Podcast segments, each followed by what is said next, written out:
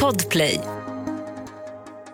Du vet väl om att du kan lyssna på avsnitten av Fallen jag aldrig glömmer en dag före alla andra. Redan på torsdagar kan du lyssna på podden på podplay.se eller i appen Podplay. Och naturligtvis är det gratis.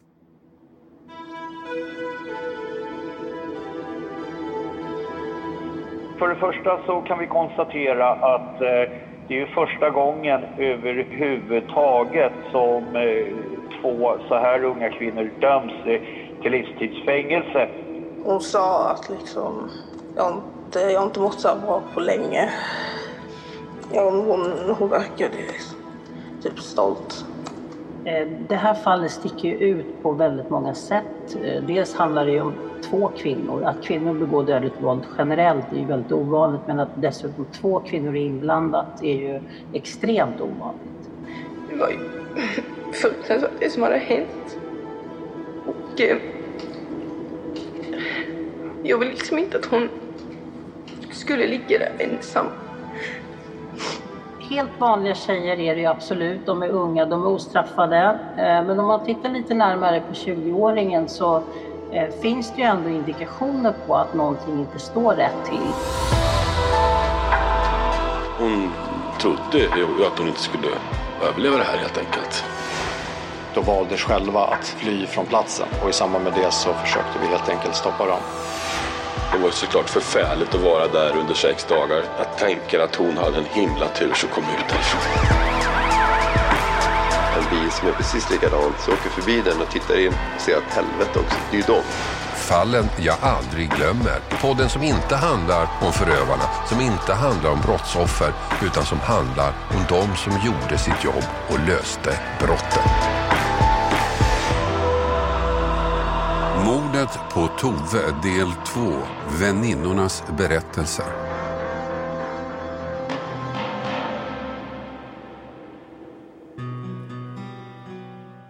I förra avsnittet berättade utredaren Rickard Findal om det här mycket märkliga fallet. 20-åriga Tove försvinner efter en utekväll i Vetlanda. Hennes två väninnor, 18 och 20 år gamla, är de som sett henne sist. Och då är det självklart att polisen börjar prata med dem och då märker de att det är något som inte stämmer. Märkliga detaljer i deras berättelse som gör att misstankarna mot de två väcks direkt. Och i ett mer formellt förhör bara två dagar efter att Tove försvunnit blir konstigheterna i deras berättelser allt tydligare. Någonting är fel. Åklagaren beslutar sig för att begära de två unga kvinnorna häktade. Och där blir de kvar i häktet och håller tyst. Nej, de vet inte vart Tove tagit vägen, säger de. Två veckor efter försvinnandet hittas så Toves kropp och de två tjejernas berättelser blir allt mindre trovärdig.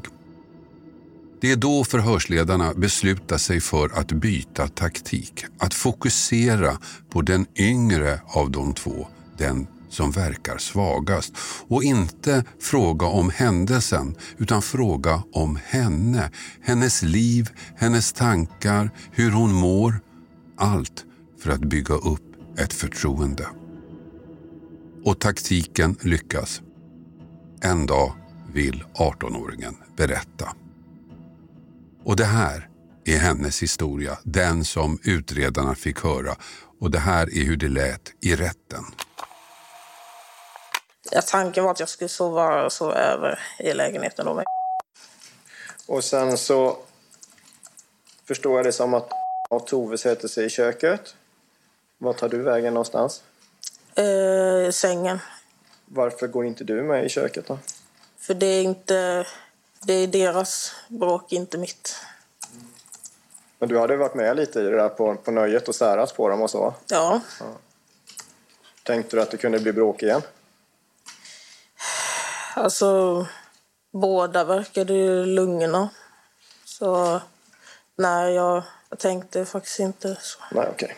Men du, du gick och la dig. Mm. Var la du dig någonstans? Eh, sängen. Är det direkt när ni kom hem som du går dit och lägger dig? Eller? Ja. ja okej. Vad gör du när du hamnar i sängen då? Ja, eh, det kan vara så att jag var inne på mobilen lite, men eh, jag somnar. Hör du dem ute i köket? Nej. Nej. Sen uppfattar jag det som att du går upp och går på toa för du mår illa. Mm. Har du någon uppfattning om hur länge du har sovit då? Nej. Men du är säker på att du har sovit? Ja. Är Tove och kvar i köket då?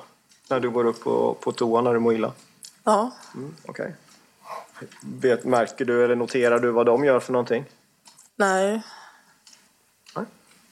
Ja, men, sitter de och pratar om? Ja, pra- ja, ja. Okej. Mm. Efter du har varit på toa, vad gör du då? Eh, Jag går och lägger mig i sängen igen. Och då antar jag att Tove och kvar i köket? Ja. Okej. Och vad händer när du lägger dig i sängen? Vad gör du då? ja jag eh, somnar igen. Okej. Och sen har jag uppfattat som att du vaknar och går upp och möter någonstans. Mm. Eh, Var det rätt uppfattat eller? Ja, Eh, Hur länge har du sovit då? jag kan inte svara på det. Jag vet inte. Men du vet att du har sovit? Ja. Och vad möter du då någonstans?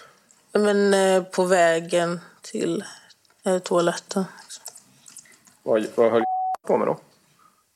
Eh, Det vet jag inte. Man hade sin eh, jeansjacka på sig. Eh, ytterjeansjacka på sig i alla fall. Och då gick du in på toan igen efter att ha mött Mm. Tove. Ser du henne någonstans? Nej. Säg någonting om vad Tove är. Nej. En ny berättelse alltså. Men också det en berättelse som inte riktigt stämmer för enligt 18-åringen har hon ju sovit och vaknat först när Tove är död. Men hennes stegräknare i telefonen berättar en annan historia. För enligt den har 18-åringen varit uppe och gått på natten. Men nu finns det i alla fall en ny historia. En historia som förhörsledarna konfronterar den andra tjejen, den äldre, med. Och då bestämmer hon sig också för att berätta. Att ge en annan version än den hon gjort tidigare. En version som börjar med bråk i lägenheten och så här lät den historien i rätten. blir det som att hon knuffar in mig i väggen. Och då eh, så eh, fäller jag Tove till golvet. Och eh, då eh, så sparkar Tove mot mig. Och då sätter jag mig på Tove. Gränsle. Eh, och eh, hon får till någon, någon typ av spark i, i väggen då. Så vi ändrar lite position. Och eh, då säger hon det, fan håller ni på med? Och så tar hon sina händer om min hals då. Och eh, du säger, ja det han håller på med själv. Och eh, jag sätter mina händer kring Toves hals och trycker till. Och då eh, gick Tove till och hostar. Så då släpper jag och ställer mig upp på knä kan man säga. Och sen så sätter jag mig bredvid Tove. Och eh, Tove mm, börjar liksom hosta och väsa på något konstigt sätt. Eh, och eh, ja, hennes tunga åker ut på något konstigt sätt. Och där tycker jag det är så obehagligt så jag vill inte kolla. Och eh, eh, ja, där så stänger liksom min hjärna av. Jag fattar liksom inte vad som händer. Eh, men eh, efter ett tag, jag vet inte hur länge, så blir Tove tyst. Och eh, då ska jag försöka känna efter om vi känner hennes puls då. Men jag har aldrig känt efter puls på någon så jag, jag vet inte hur man, hur man känner det. Så jag kunde inte avgöra om jag kände någon puls eller inte. Och det var som att jag fattade liksom in, ingenting. Det var liksom helt blankt i huvudet. Och eh, det var som att jag kunde inte få upp en enda vettig tanke liksom. Kroppen den var som att den bara helt frös till is kan man säga.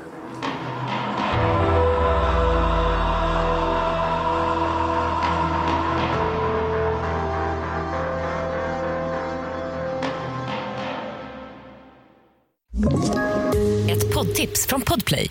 I podden Något Kaiko garanterar östgötarna Brutti och jag, Davva, dig en stor dos skratt. Där följer jag pladask för köttätandet igen. Man är lite som en jävla vampyr. Man har fått lite blodsmak och då måste man ha mer. Udda spaningar, fängslande anekdoter och en och annan arg rant. Jag måste ha mitt kaffe på morgonen för annars är jag ingen trevlig människa. Då är du ingen trevlig människa, punkt. Något Kaiko, hör du på Podplay. Därför är Från att ha en berättelse, samma från båda de misstänkta kvinnorna, har nu utredarna alltså två olika versioner. 18-åringens, där hon säger att hon sovit när Tove dödades. 20-åringen som säger att de båda var vakna, att hon tog ett snabbt strypgrepp på Tove och att 18-åringen höll i Toves armar. Och sen att hon blev förvånad att Tove dog. Två berättelser där mycket talar för att 20-åringen ligger närmast sanningen. Men en sak är de överens om, nämligen vad de gjorde sedan. Hur de bar ut kroppen till bilen, körde iväg och dumpade den i skogen och försökte tända eld på den. En händelse som tydligen påverkade de två på olika sätt. Så här berättade 18-åringen i rätten. Ja, men, alltså, jag är fortfarande i chock och eh, ja, mår väldigt dåligt och sådär. Så jag, jag har inte helt liksom koll på vart vi åker eh, någonstans.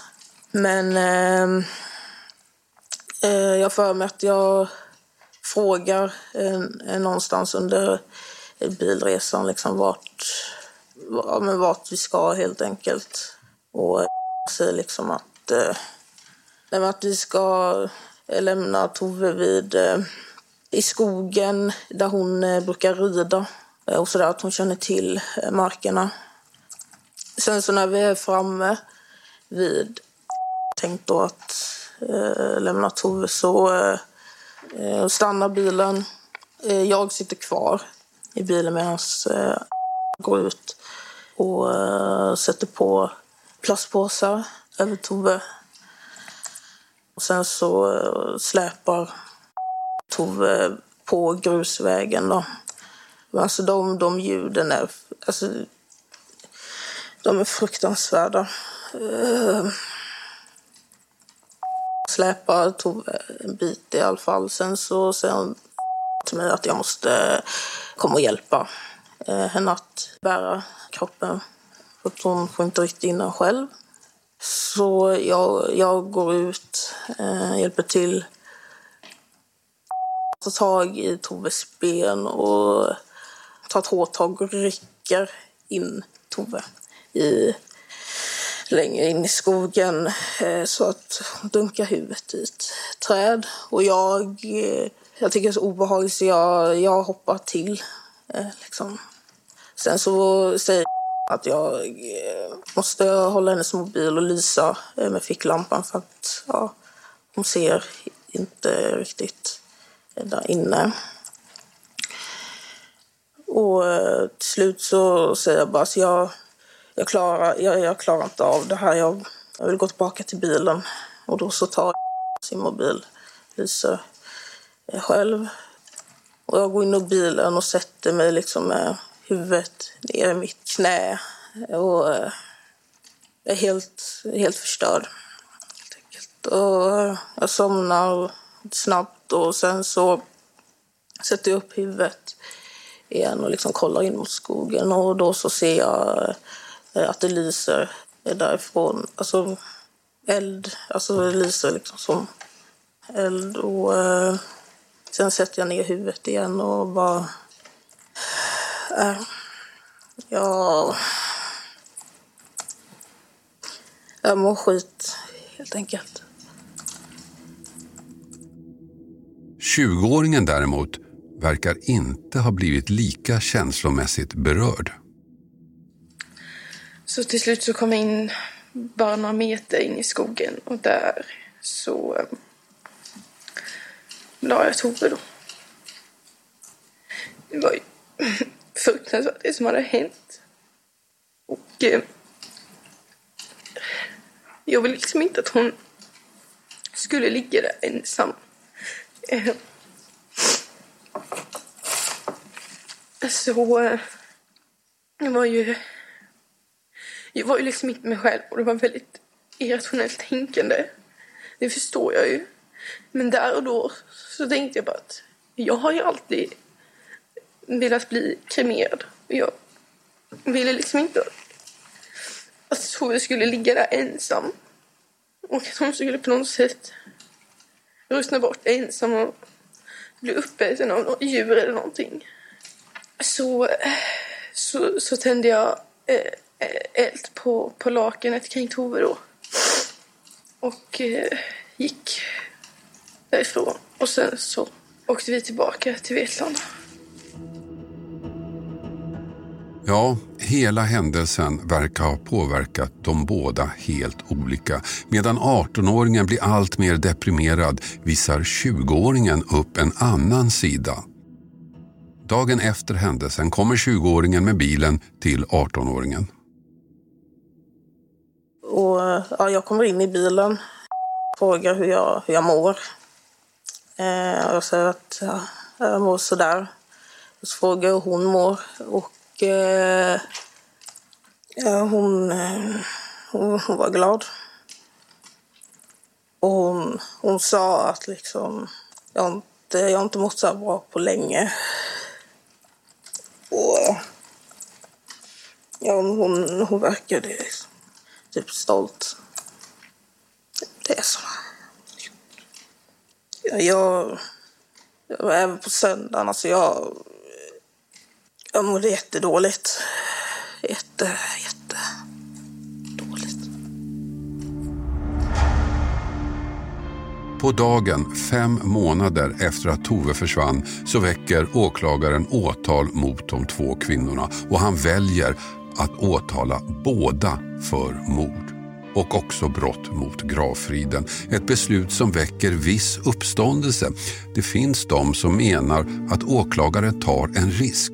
Att 18-åringen kanske bara bedöms vara medhjälplig till mord och då frias eftersom den åtalspunkten inte finns med i åtalet. Oisin Cantwell är krönikör och krimreporter på Aftonbladet och han följde hela ärendet i korthet var det så att eh, den främsta kritiken riktades mot att eh, åklagaren eh, hade valt att eh, eh åtala de två kvinnorna för att de, som det heter, gemensamt och i samförstånd hade mördat eh, Tove. Eh, det fanns kritiker som ansåg att bevisningen för att, att eh, leda ett sådant resonemang i bevis var väldigt svårt. Den 27 mars börjar rättegången i Eksjö tingsrätt och den blir oerhört uppmärksammad, naturligtvis. Två unga kvinnor, helt ostraffade, till synes helt vanliga, åtalas för att ha mördat sin kompis, gömt kroppen i skogen och försökt tända eld på den. Ett av de mest märkliga brottsfallen i svensk kriminalhistoria.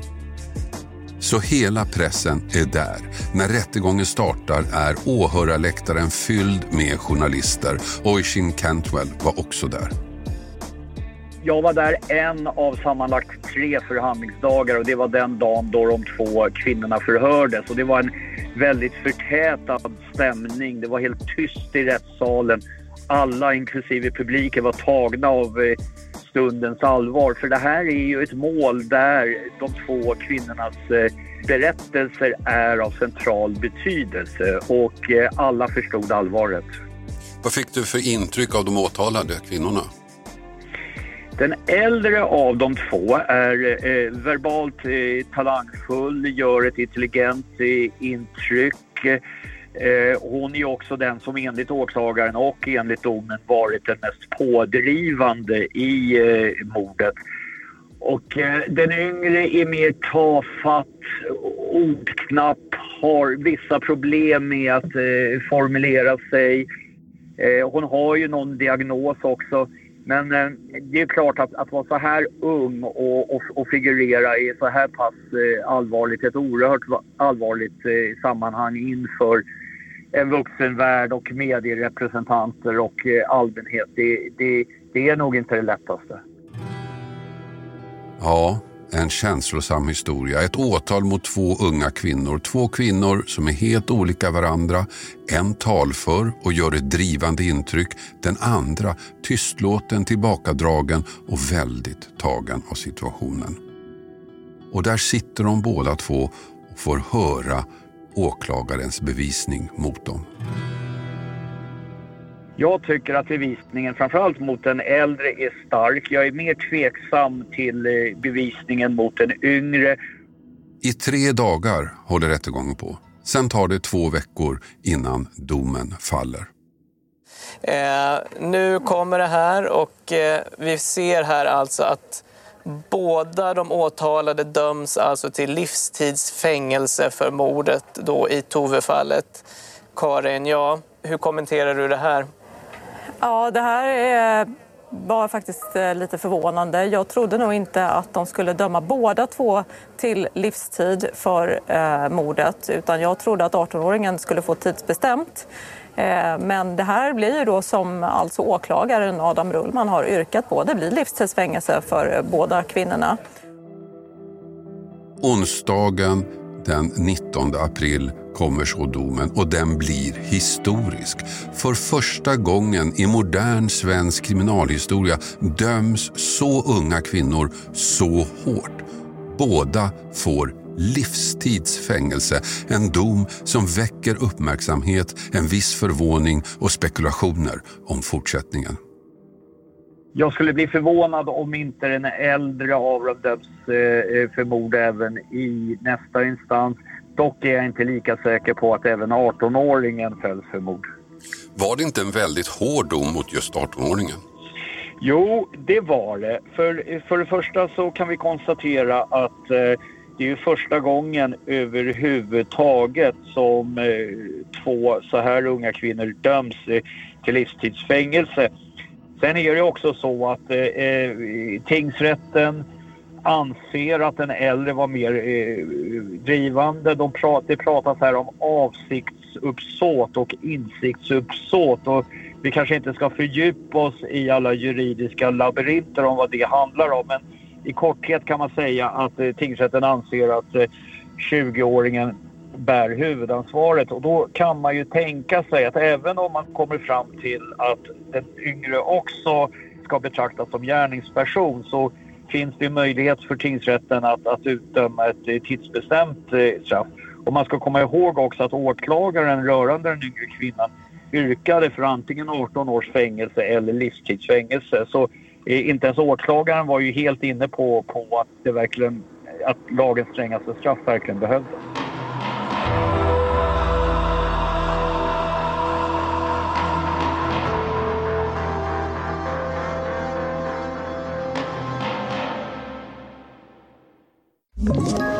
Ett poddtips från Podplay. I podden Något Kaiko garanterar östgötarna Brutti och jag, Davva, dig en stor dos skratt. Där följer jag pladask för köttätandet igen. Man är lite som en jävla vampyr. Man har fått lite blodsmak och då måste man ha mer. Udda spaningar, fängslande anekdoter och en och annan arg rant. Jag måste ha mitt kaffe på morgonen för annars är jag ingen trevlig människa. Då är du ingen trevlig människa, punkt. Något Kaiko, hör du på Podplay. Därför är gardinerna. Nej, inte ens åklagaren var säker på att 18-åringen verkligen skulle få livstid och han öppnade för ett tidsbestämt straff. Men tingsrätten valde den hårda linjen. Historien är inte över, det är alla överens om. Båda tjejernas advokat har överklagat. Det kommer en ny rättegång, den här gången i hovrätten. En annan som följt det här ärendet är Jenny Yorstone, doktor i psykologi som forskat om dödligt våld utfört av kvinnor. Eh, det här fallet sticker ju ut på väldigt många sätt.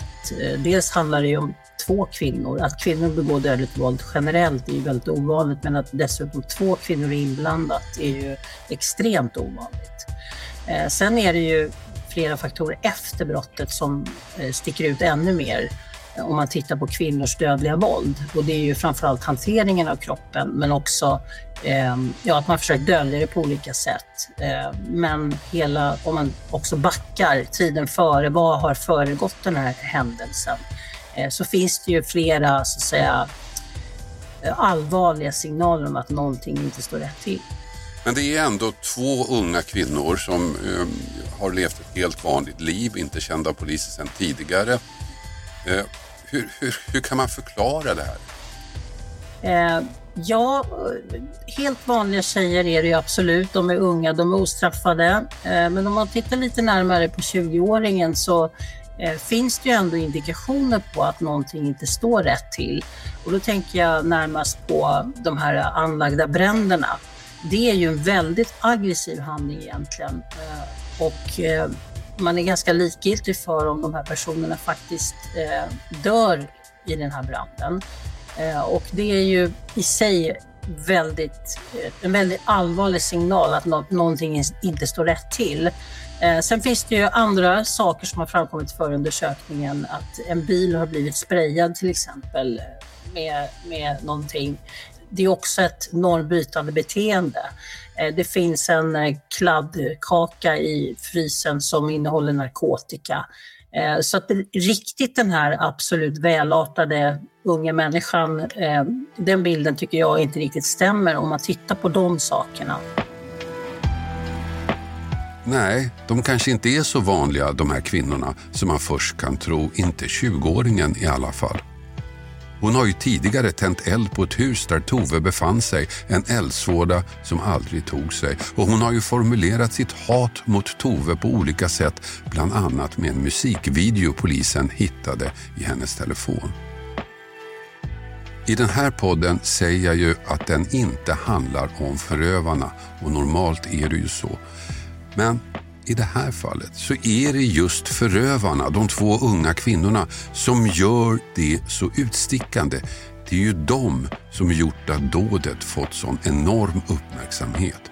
Den äldre, dominant, driven av hat. Och så här säger Jenny Yorstone om den yngre kvinnan, 18-åringen.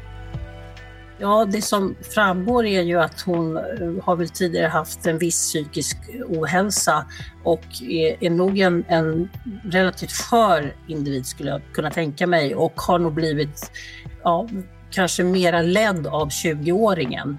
I relationen så har det kanske inte varit fullt jämlikt utan det, det har varit en ett övertag från 20-åringen. Den här 18-åringen har väl beskrivit att eh, det är liksom den första riktiga kompisen som, som hon har fått. Eh, och med allt som följer av det då eh, så kan man tänka sig att hon kanske har varit med på saker mer än vad hon kanske skulle ha varit om inte den här 20-åringen hade varit närvarande.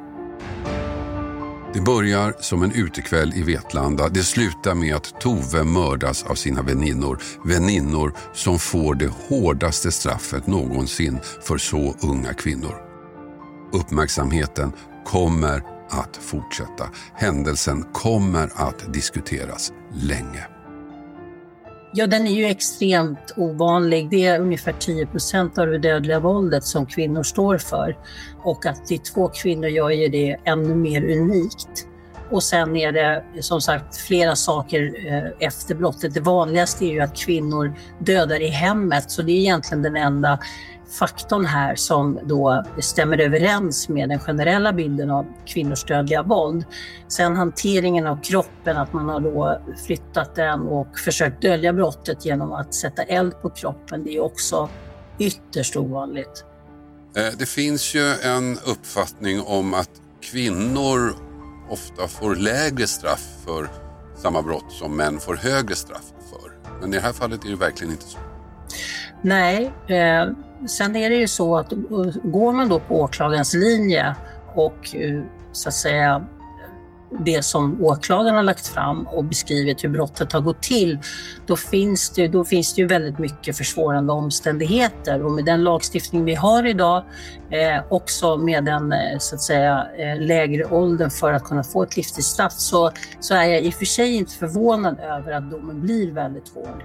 Eh, sen kommer den kanske ändras i hovrätten, det återstår att se. Det finns väl en del som talar för att åtminstone den yngre kvinnan kan få ett något mildare straff i hovrätten. Absolut gör det ju det. Eh, så det ska ju bli väldigt spännande att följa det och se eh, hur det kommer att falla ut.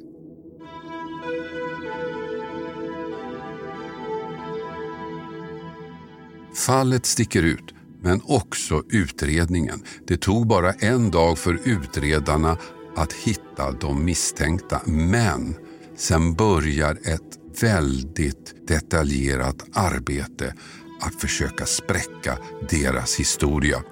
Och detalj efter detalj hittas som visar att historien inte stämmer. Det tar veckor innan berättelsen om vad som egentligen hände dyker upp. För trots sin unga ålder, trots att de aldrig suttit häktade förut, lyckas de hålla tyst.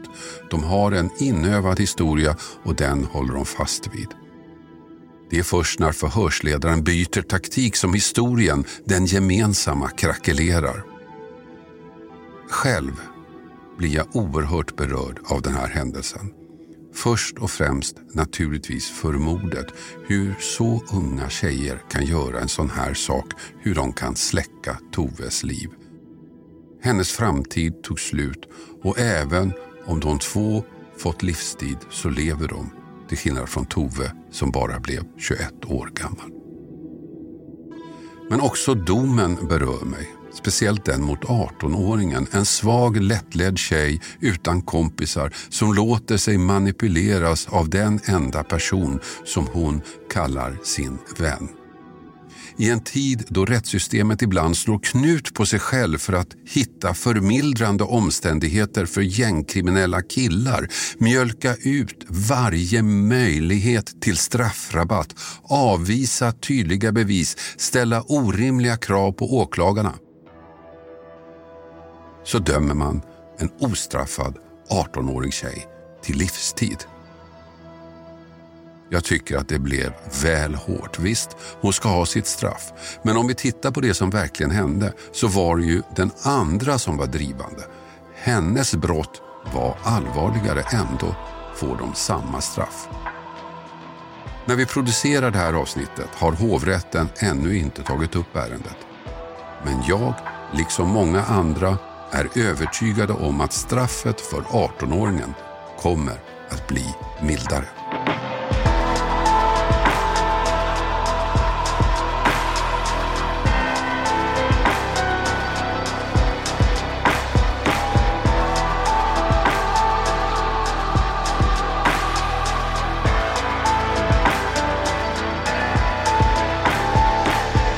Du har hört podden Fallen jag aldrig glömmer. Klippning David Davva Persson. Och jag heter Hasse Aro. Du vet väl om att du kan lyssna på avsnitten av Fallen jag aldrig glömmer en dag före alla andra. Redan på torsdagar kan du lyssna på podden på podplay.se eller i appen Podplay. Och naturligtvis är det gratis. Podplay, en del av ett poddtips från Podplay. I podden Något Kaiko garanterar östgötarna Brutti och jag, Davva, dig en stor dos skratt. Där följer jag pladask för köttätandet igen. Man är lite som en jävla vampyr. Man har fått lite blodsmak och då måste man ha mer. Udda spaningar, fängslande anekdoter och en och annan arg rant. Jag måste ha mitt kaffe på morgonen för annars är jag ingen trevlig människa. Då är du ingen trevlig människa, punkt. Något Kaiko, hör du på Podplay. Därför arkadeinerna.